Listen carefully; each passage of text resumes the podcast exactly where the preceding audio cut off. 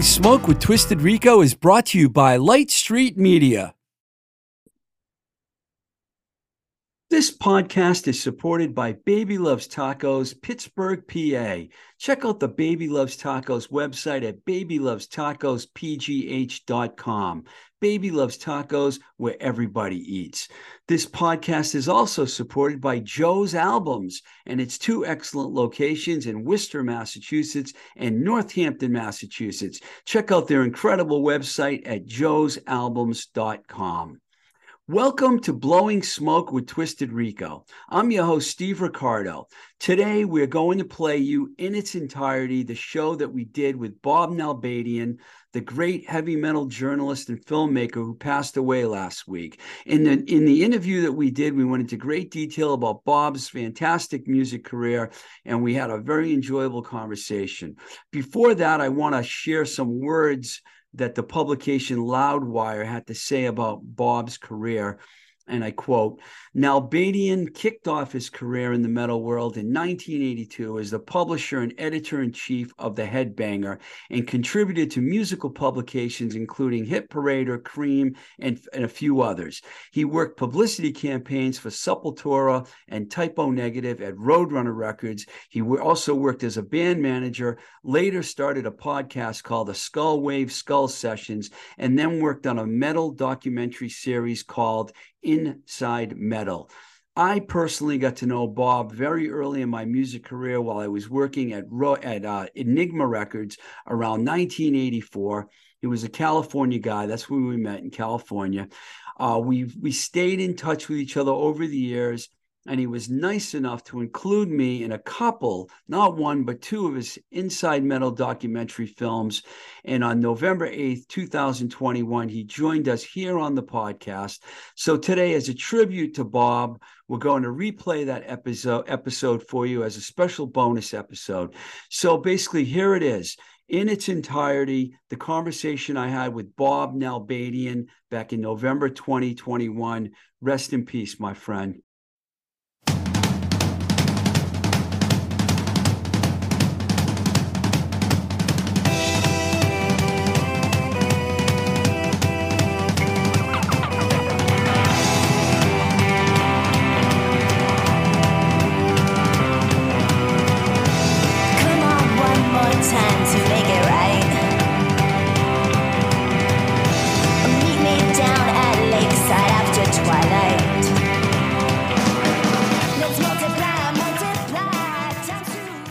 Podcast is supported by Notch Brewing, serving European influenced beer in their beer hall and beer garden, not only on the harbor in Salem, Mass., but also at their brand new spot at 525 Western Ave in Brighton, just minutes from downtown Boston. In addition to their beer hall and beer garden, they have an outdoor live performance and music space. Inside, there's DJs spinning vinyl. And, and they have free parking. And if you live in Boston, you know how nice that can be. Notch's beer is also available at retail locations throughout Massachusetts and Rhode Island, and through direct mail order to Massachusetts and Pennsylvania. If you haven't tried Notch yet, it's time. Get yourself a Notch beer, and better yet, head over to Notch Brewing and tell them Twisted Rico sent you.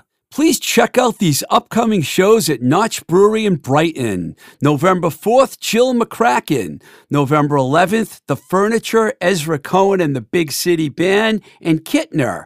November 18th, Ex Hyena, Andrew Obin, and Dyer Phaser. December 2nd, The Splinters and Sonny Jim Clifford. December 9th, Noah Hartnett and James Van Dusen and the Rolling Rust. Notch Brewing in Brighton is located at 525 Western Avenue. Their phone number is 617 548 2947, and you can reach them by email at info at notchbrewing.com. Welcome to Blowing Smoke with Twisted Rico. I'm your host, Steve Ricardo. This week, we're going to play you an interview that I recorded with music documentary director and longtime heavy metal hard rock writer Bob Nalbandian. A really cool dude I met back in the early 80s when he was managing a band called Eden from Orange County, California. We hadn't seen each other in a while, and he reminded me just how long it was. We were hanging out with our mutual old buddy John Bush, the singer of Armored Saint, and also a time with Anthrax, who I recorded four albums with. I actually prefer the Bush version of the band more than the Belladonna version. Of course, that's easy for me to say because Bush is one of my friends and he's also one of the best singers in heavy metal. So we'll be playing that interview, which I recorded through Zoom. I didn't think I could do those kind of interviews myself on my computer, and the quality, you know, is pretty good, according to the engineer, Mike Nash, who tells it like it is. So I'm going to continue to do some of the interviews like that. These Zoom interviews, by the way, will all be up on YouTube exclusively from the regular show. So you can listen just to the interview or you can go on Apple and Spotify, Anchor, etc., and listen to the whole show. You got your choice. In fact, there's a really cool interview with Spencer James for the North Carolina based band Special Messages, in which we talk about the Donora, Pennsylvania smog incident that happened in 1948 Spencer's song led me down that rabbit hole, and we did a whole Zoom exclusive on it. And man, it's hard to believe that whole story, so I highly recommend you check it out. Okay, back to Bob Nalbandian. Bob started in the music business while he was a teenager and had the seminal heavy metal fanzine called The Headbanger way back in 1982. It was nationally distributed zine, which featured the very first profiles of then unsigned LA bands Metallica, Slayer, Megadeth, and Armored Saint. We're talking about the very beginning of thrash metal and bands that were heavily influenced by the new wave of British heavy metal. Throughout the 80s and 90s, 90s, Bob was also contributing editor to several magazines, including Metal Rendezvous, Cream, Music Connection, Hit Parade, or BAM, Foundations, as well as the associate editor for men's magazines Platinum and Men's Perspective. He also headed up the West Coast office of Roadrunner Records working closely with label cutting edge artists at the time like Sepultura, Type O Negative, and Last Crack. Currently, Bob is a director and writer, and he's put out some absolutely fantastic documentary films. One recent one called Band vs. Brand through Cleopatra Entertainment, and the rest are part of the Inside Metal documentary series. These feature length documentary films are available on DVD and all the major movie streaming outlets. The Inside Metal movies include Pioneers of LA Hard Rock and Metal, LA Metal Scene Explodes, The Rise of LA Thrash Metal, and Bay Area Godfathers. Each is a two part series. Bob is also the founder and host of two major metal podcasts Shockwave Skull Sessions podcast, which is on shockwaveskullsessions.com, and Shockwave's Hard Rock Radio podcast, which is hardradio.com. Okay, so as you probably can tell, Bob has been a major player in the LA metal scene for some time. For me, he's right up there with the likes of Brian Slagel and Bill Metoyer, who we had on our show not too long ago. He's one of the major players in the LA metal scene that started in the early 80s, and I was honored to have his voice heard in two of his documentaries, which to me, there's an interesting story behind which we're actually going to talk about. Uh, leading us into the interview, let's listen to some music. Here's a track from the Preston Wayne 4. This is called OUI.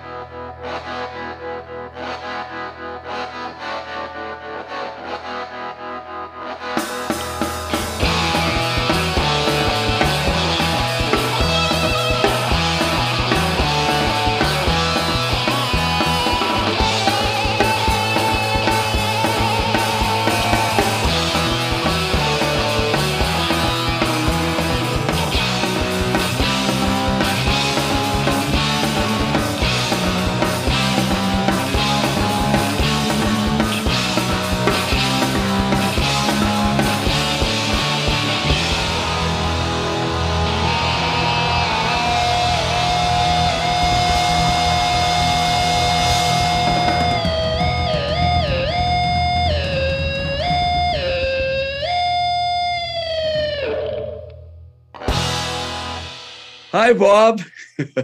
How you doing there, Steve? Good to see you, man. Good to see you, man. It's been a long time. I was trying to remember how long it's been, but I can't even.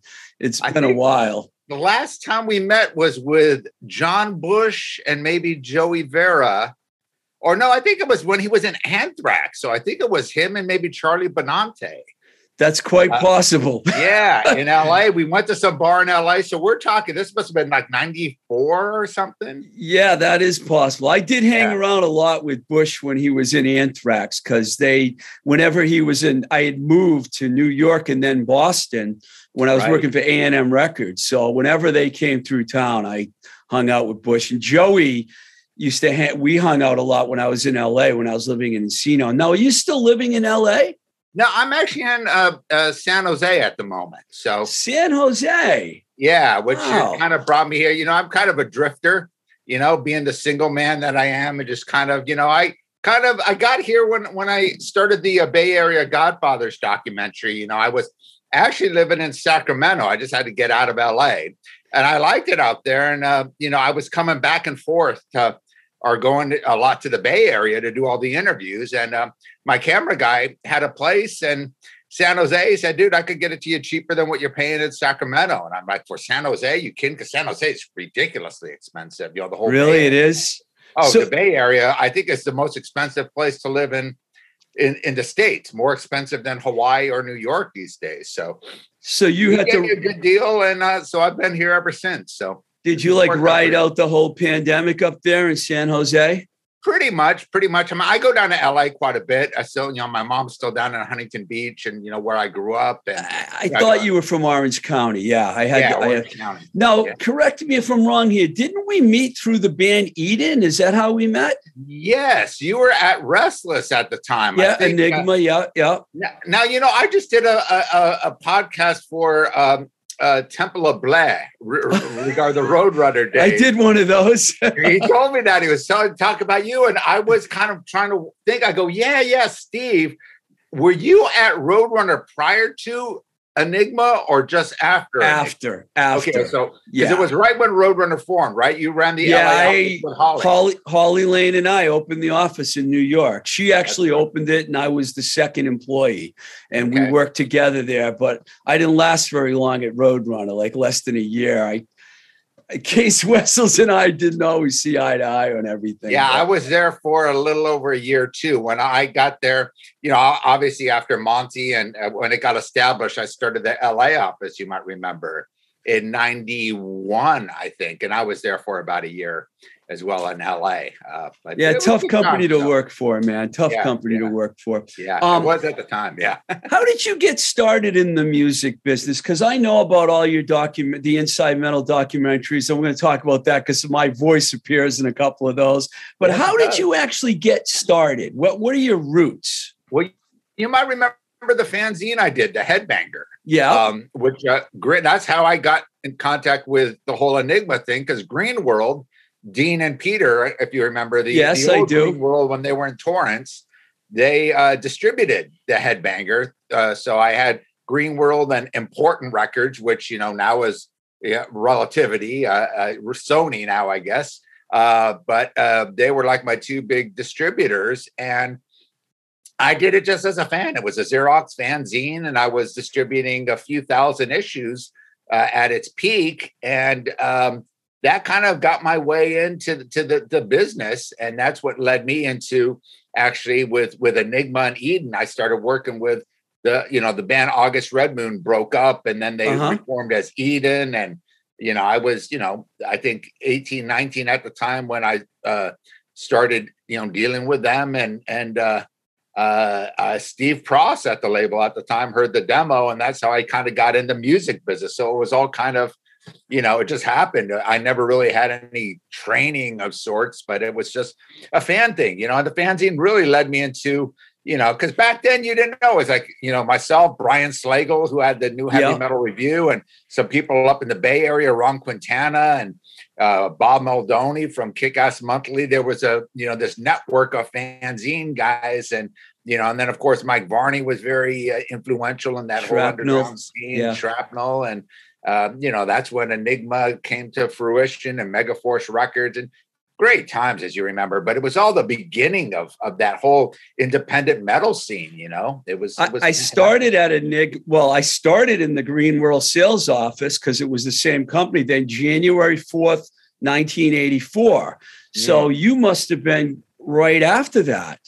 Yeah, well, they were doing my fanzine since 82, 83. Oh, so you go way back when it was Yeah. a real small staff. yeah. And then uh, that was when they first started. And I don't remember how I hooked up with them or if they contacted me or, or whatever, but uh, they were they were very small then. And it was Dean and Peter. And I remember they just started handling Jane's addiction, or uh, maybe that was a little bit after.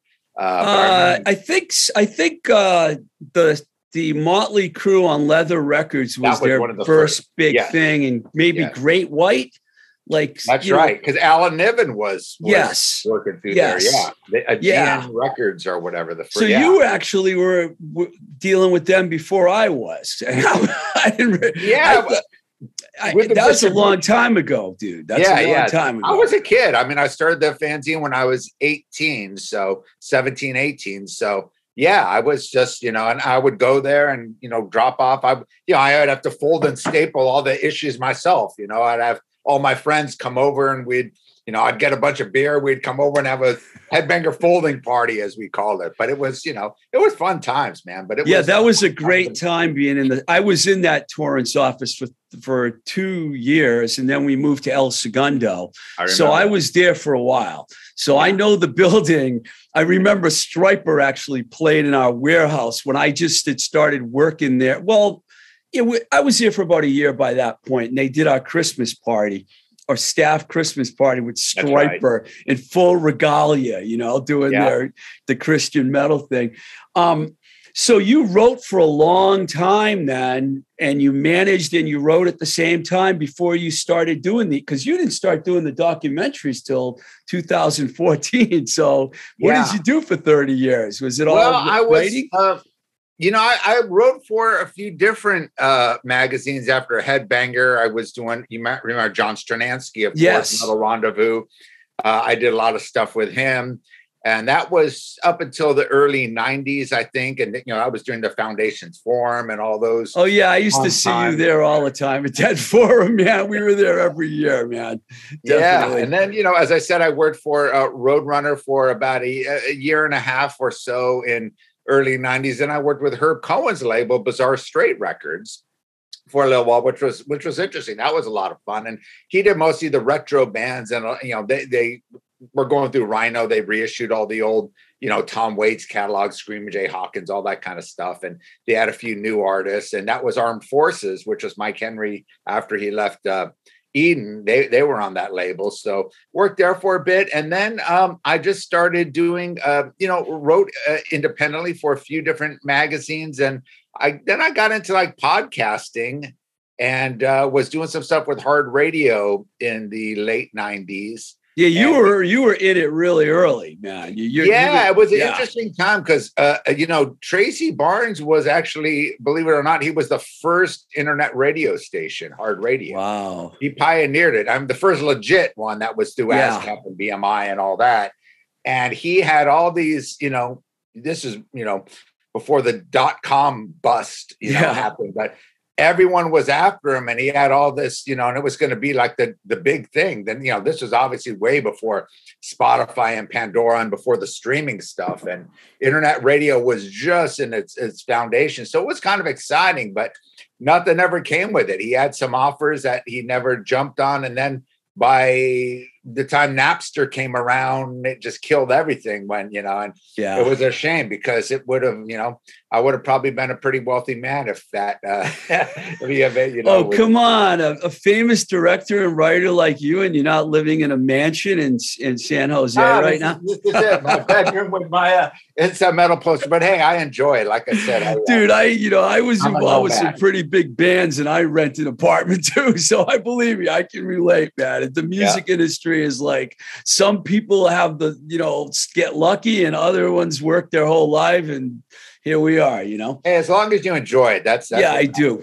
I, I, I started my podcast in 2019 and I'm like, uh, 119 episodes now. So Oh, I'm really wow. You're way ahead of me. yeah. Yeah. Metoyer was on not too long ago. Oh, man. I I'm love trying- Bill. He's he's another guy. He's another legendary guy that's been around since the beginning and just fantastic producer. Worked with so many great artists and I feel good- I feel lucky because I feel like you know just about as much about the LA metal scene as anyone. But then again, you know, there's Brian Slagel, John Sutherland, oh uh, you know, those guys, you know, Bill Metoyer, they all were there at the beginning with you. So what was that like, man, when everything started happening in LA? You know, I know you documented it all, but tell my listeners about the beginning, what that was like. It was must have been exciting. I got there in 84, so I okay. wasn't there at the beginning of it. Well, you were there and when, when it was just starting to bubble up during the whole Green World era, when the independent, you know, music scene was happening. I, I you know, I like to say a lot of it was was uh, influenced by uh, England and what was happening there with the new wave of British heavy Yes. metal. You had Kerrang, and that's what influenced, obviously, you know, the Brian Slagels to start a fanzine and Ron Quintana's and myself and and John Strednansky. And that really, you know, we were all hugely into the new wave of British heavy metal, the underground stuff. That's when Motorhead was just starting to get traction here in the States. Of course, Iron Maiden, you know, Saxon, Samson, Angel Witch, Tygers of Pan Tang, you know, Def Leppard are, are already was starting to break. So it was just real exciting. And then it kind of got into the whole LA scene. And then, you know, as you mentioned, Motley Crue were kind of the big LA band that was starting to break locally. And we used to go see them in the clubs. I was, you know, I was a little bit too young to hit the, the Starwood. Uh, you, Yeah. you remember my first documentary, The Pioneers of LA Hard Yeah, Rock. and yeah, yeah. we Deep into that. And I was, you know, I just hearing all those stories and interviewing those guys, I was like, wow, I was just, that was just before my era. So, you know, I saw a lot of those bands, you know, the Snow and, and, you know, Smile and of course Motley Crue. And I never saw Quiet Riot with Rhoads, but I, I did see them, I think with um, Greg Leon. I think that was when they were called the DuBrow. But I did have a chance to see all those early bands back then, Ratt in their earliest formations, you know, playing the clubs. Metallica's very first show at Radio City I was at, and I saw all their shows in Orange County. They did a lot. I mean, it was kind of cool in Orange County. I, I grew up, people that don't know, Orange County is about an hour south of LA. Mhm. And it was, you know, you had three clubs. You had, you might remember the Woodstock, Radio City, and the Concert Factory. And the Concert Factory used to be the Cuckoo's Nest, which was like the punk rock mecca. That was like, Right. Oh, you know, the hub of punk rock music back in the day. And then uh, I think in like 81, it changed over to the Concert Factory. And, you know, they were getting all the LA bands that were, you know, you know, the Wasp, Armored Saint, and, you know, and, and, you know, so between that and the Woodstock and all that, I would, all the LA bands would come over. And then you had the Orange County bands. You know, I was real close with August Redmoon, of course, Dante Fox, who turned into Great White. They were a huge Orange County band. Max Havoc, you know, Leatherwolf were just starting out. They were Leatherwolf. Band. I got to work with them a little bit. Yeah, so it was exciting because you know uh, every night there was something going on. Either in Orange County, you had the Golden Bear out there too, and uh, and then you had all the candy. when once KNAC started, yeah, all the KNAC nights, but that was a little bit later. But Yeah. you know, you remember the Country Club? I mean, the Oh, Country. I, Club, I That spent many nights at the country club. I would drive from Orange County over an hour just to go up Reseda. there, drive home at three in the morning, and oh man, they I mean, and they, you know they had all the national bands that would come over, Loudness and you know uh, Queensryche and uh, King or uh, Mercyful Fate and Exciter Yeah. there, and all those you know, and then you had you know Armored Saint, Malice, and Motorhead, and uh, of course Metallica. You know, Metallica and Armored Saint played many shows there together, and that, that was a great. But the Troubadour in the early days, this was before the Whiskey and Roxy were really doing a lot of metal stuff. It was all the Troubadour and the, the Country Club. And uh, Troubadour was great. Used to go see Armor Saint there all the time. Wasp when they were like, you know, the whole place would be on fire practically. You know, uh, De- Debbie Rogers, I know you know Debbie and uh. Jennifer, they were Yeah. both working at Greenworld. They bugged me for months to go to see Poison. And I finally went to the Troubadour one night and I saw them and they were just, they were, every label was passing on them. I had that first demo. And I went back to the Heinz and everyone, and I said, "We have to sign this band." They're like, unbelievable. You know, the crowd just got me. It was like, there were 200 people there and 175 of them were women. And I'm like, yeah. if we don't sign this band, we're crazy. Okay. Exactly. Right there, there's a cell. You that know, was one well, of my first shows I saw at the Troubadour, actually. And I went to the Roxy a lot after that. And that was a great club. It's still there too, right? It's still there. I think Golden Voice, I don't know if they own it or they they're exclusive. So I think they just do their own shows there, their own showcases. So it's it's not really open to the public. But then again, and nothing, I mean, none of the clubs, you know, the the whiskey's barely staying open. You know, yeah, the whiskey went there a lot live too. music anymore. I mean, back in the days, you know, any night of the week, these clubs would be packed. You know, yeah, it did. You're right. It didn't really matter back yeah. then. You know, when you get older, you're like, I don't want to go out during the week. But back then, you had to go out every oh, night yeah. of the week to see shows. Um, and, yeah. Go ahead.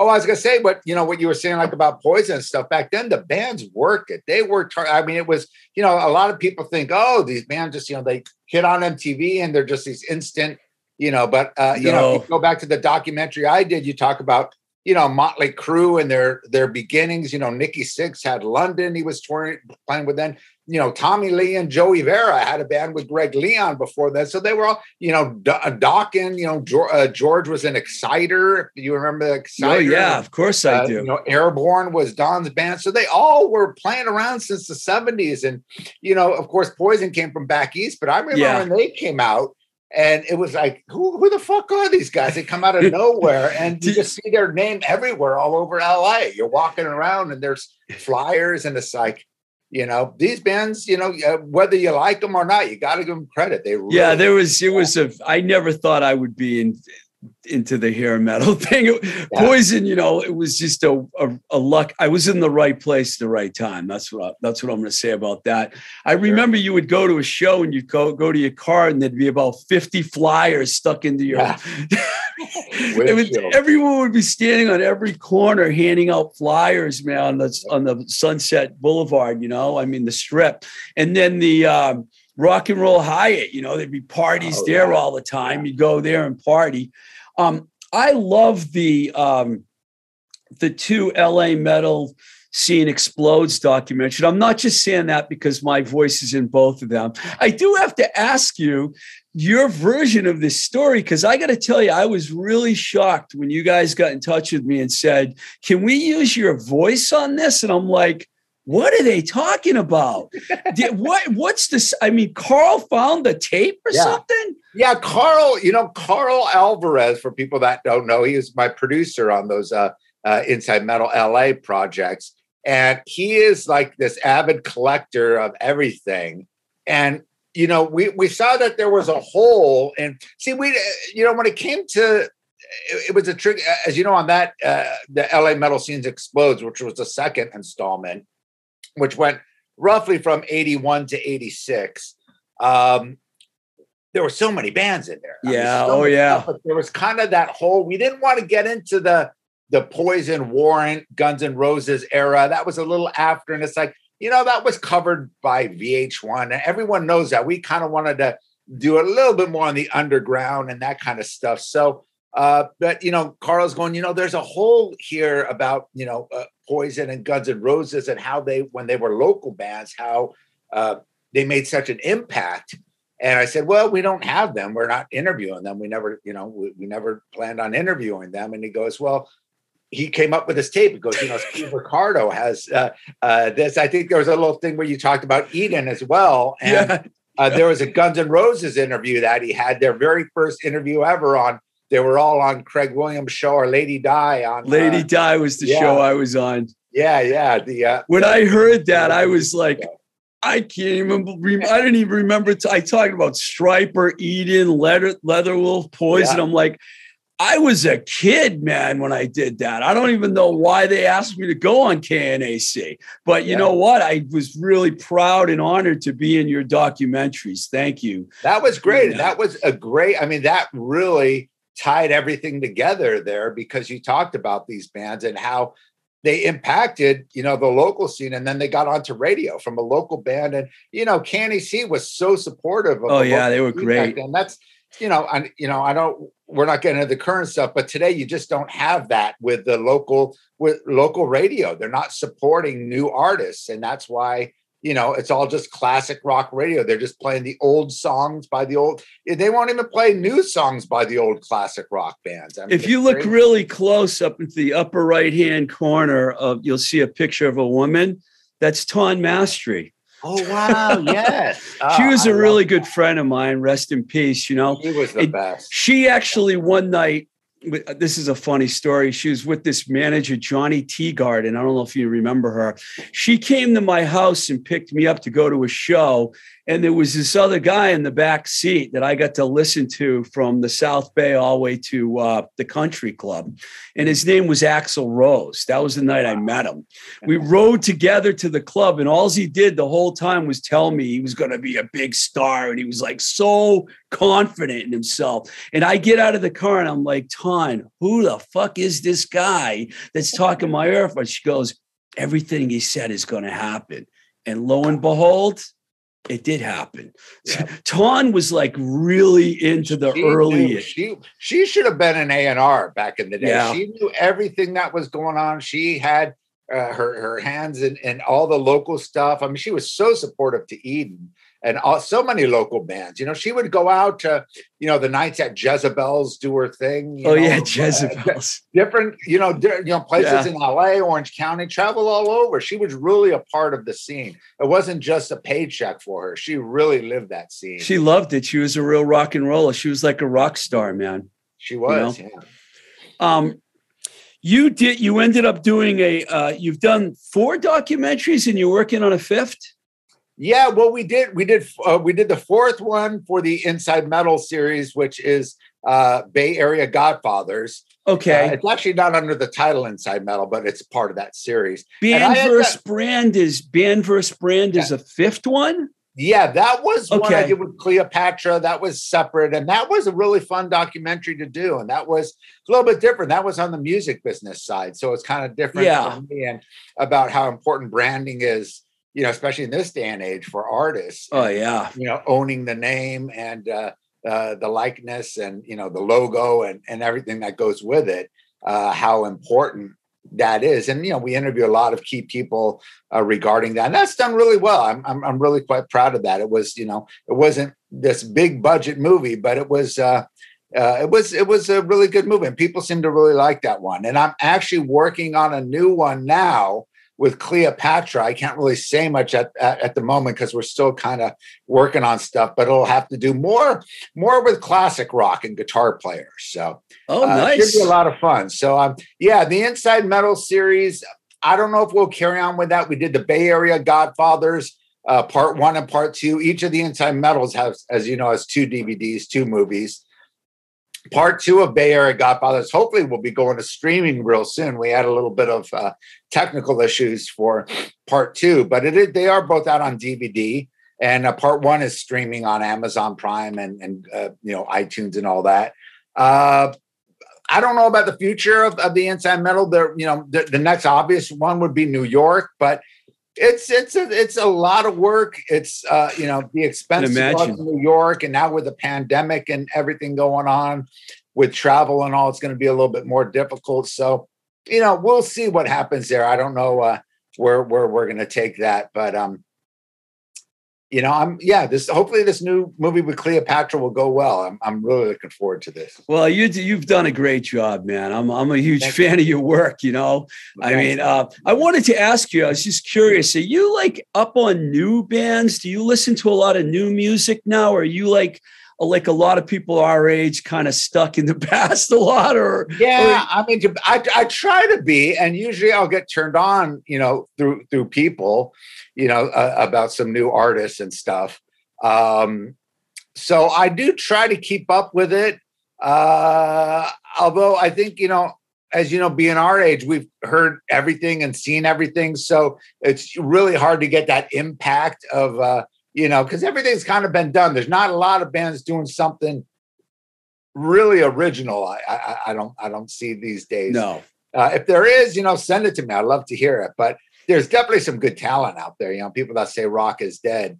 You know, there's there's definitely some bands out there, hardworking bands uh, going at it. And you know, I try to support them as much as I can, but I just can't keep up with with what's going on. And the way music is being promoted these days, it's like I'm not an internet guy. I'm not on YouTube or on social media a lot, so I don't keep up with what's going on with this stuff. And that's you, how things are run these days. You mentioned John Bush and Joey Vera uh, earlier. They they you know have a new record, a recent yes. record. I talked to Bill about that. You've been friends with those guys for a long time, haven't you? Since uh, since they started, since their first show, I always uh, tease Joey. I saw them before Joey Vera was in the band. They did a few shows with a different bass player. I believe his name was Mike Williams, and they uh, did a show at Woodstock, and I must have been, you know, 16 or 17 at the time. Uh, I saw them there, 17, and uh, yeah, blown away. That was like in their when they very first started out. Yeah it's really great to see that people are they're finally getting the recognition. It took a long time for that band to really get recognized as one of the real pioneers of that early scene. People didn't know that Metallica opened up for them and things oh, like yeah. that. No one ever knew that. But now it's like it's becoming more and more known and I'm really happy for those guys, man. They've, they've always been hard workers, you know? Absolutely. And greatest bunch of guys. And I think now since they've been on Metal Blade, I think now they're almost bigger than they were back in the 80s. Yeah, you know? that's what I mean. Yeah, they've really yeah. gotten huge for sure. Absolutely. Yeah. So, I mean, are there are a lot of other bands from the that era that you're still in touch with now that you're friends with because you knew everybody. Yeah, well, that was a great thing about the documentary is reconnecting with a lot of these bands because a lot of these bands they remember me from the Headbanger when I would do like a LA, you know, metal special, and we would have you know like Malice and and Sound Barrier and Black and Blue and Ron Keel's old band Steeler. Oh, and, I remember you know, Steeler, man. Wow. Oh yeah. And Ratt. And so when I met with all these guys, they're like, oh shit, Bob, man, 30 years. What the fuck? You know, so uh, it was fun kind of reconnecting. And, and I just love the fact that these guys are still together and still producing music and um, you know, and that's the thing I, I really love. You know, again, like you know, I, I you know, people go, "Oh, you direct all these movies. You must have a lot of money." Now it's not a big money making thing, but it was just the fun. It was just great to relive that and to really support that because um, it was, as you know, such a great scene. And a lot of these bands, you know, that we covered in these LA uh, metal documentaries, we didn't just go for the big popular, you know, you know, platinum selling right. bands we wanted to touch on the bands that were huge during that era. So, you know, like I say, Leatherwolf, you know, and they ruled Orange County back then, uh, Pandemonium, all yeah. these bands. I was going to mention them. They came, they came down from Alaska, man. They were, yeah, and they were yeah, like you, ruling the scene for a while. A lot right. of these bands were, you know, so, uh, you know, they never really made it to, to the next level, but, you know, we wanted to really bring the listener or the viewer back to 1984, 85 when that scene was you know.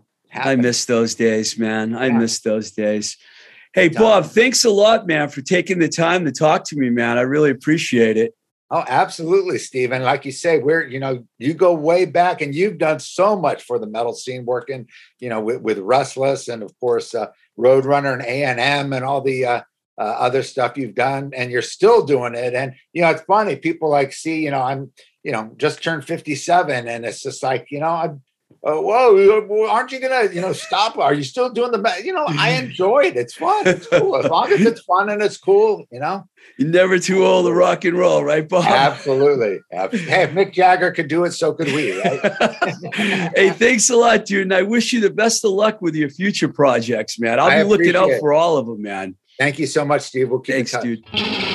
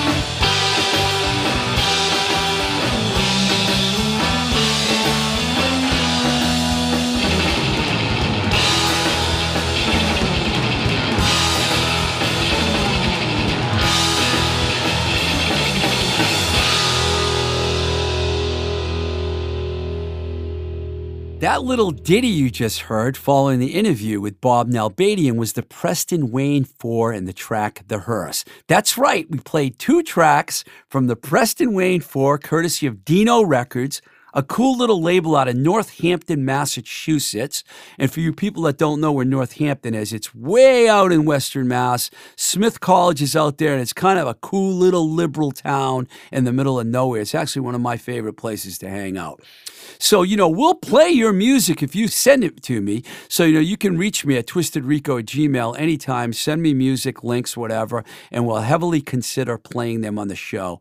Bob Nalbandian really cool guy. And I was surprised that he's living up in San Jose these days. I really appreciate the fact that he came on the show.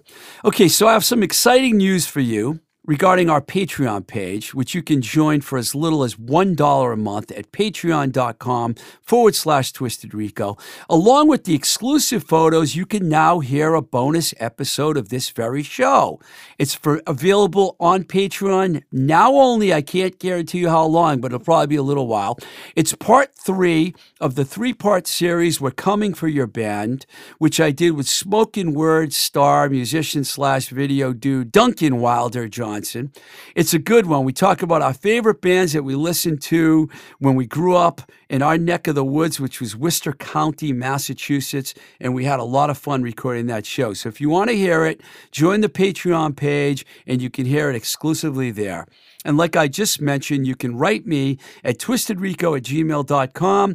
Find us on Instagram at Blowing Smoke with TR or at Twisted Rico. And we also have a Facebook page and that YouTube page, which I really am excited that people are starting to like and, you know, pay attention to and please subscribe to it.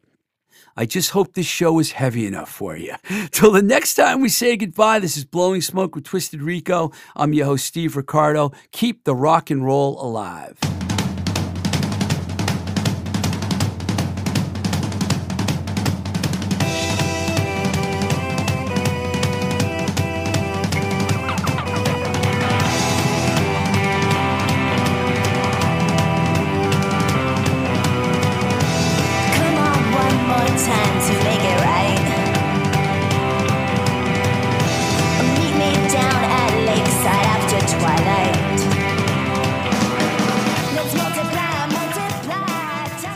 Voice is recorded at Voice Motel, voicemotel.com, your complete podcast recording experience, located in Union Square, Somerville, Massachusetts.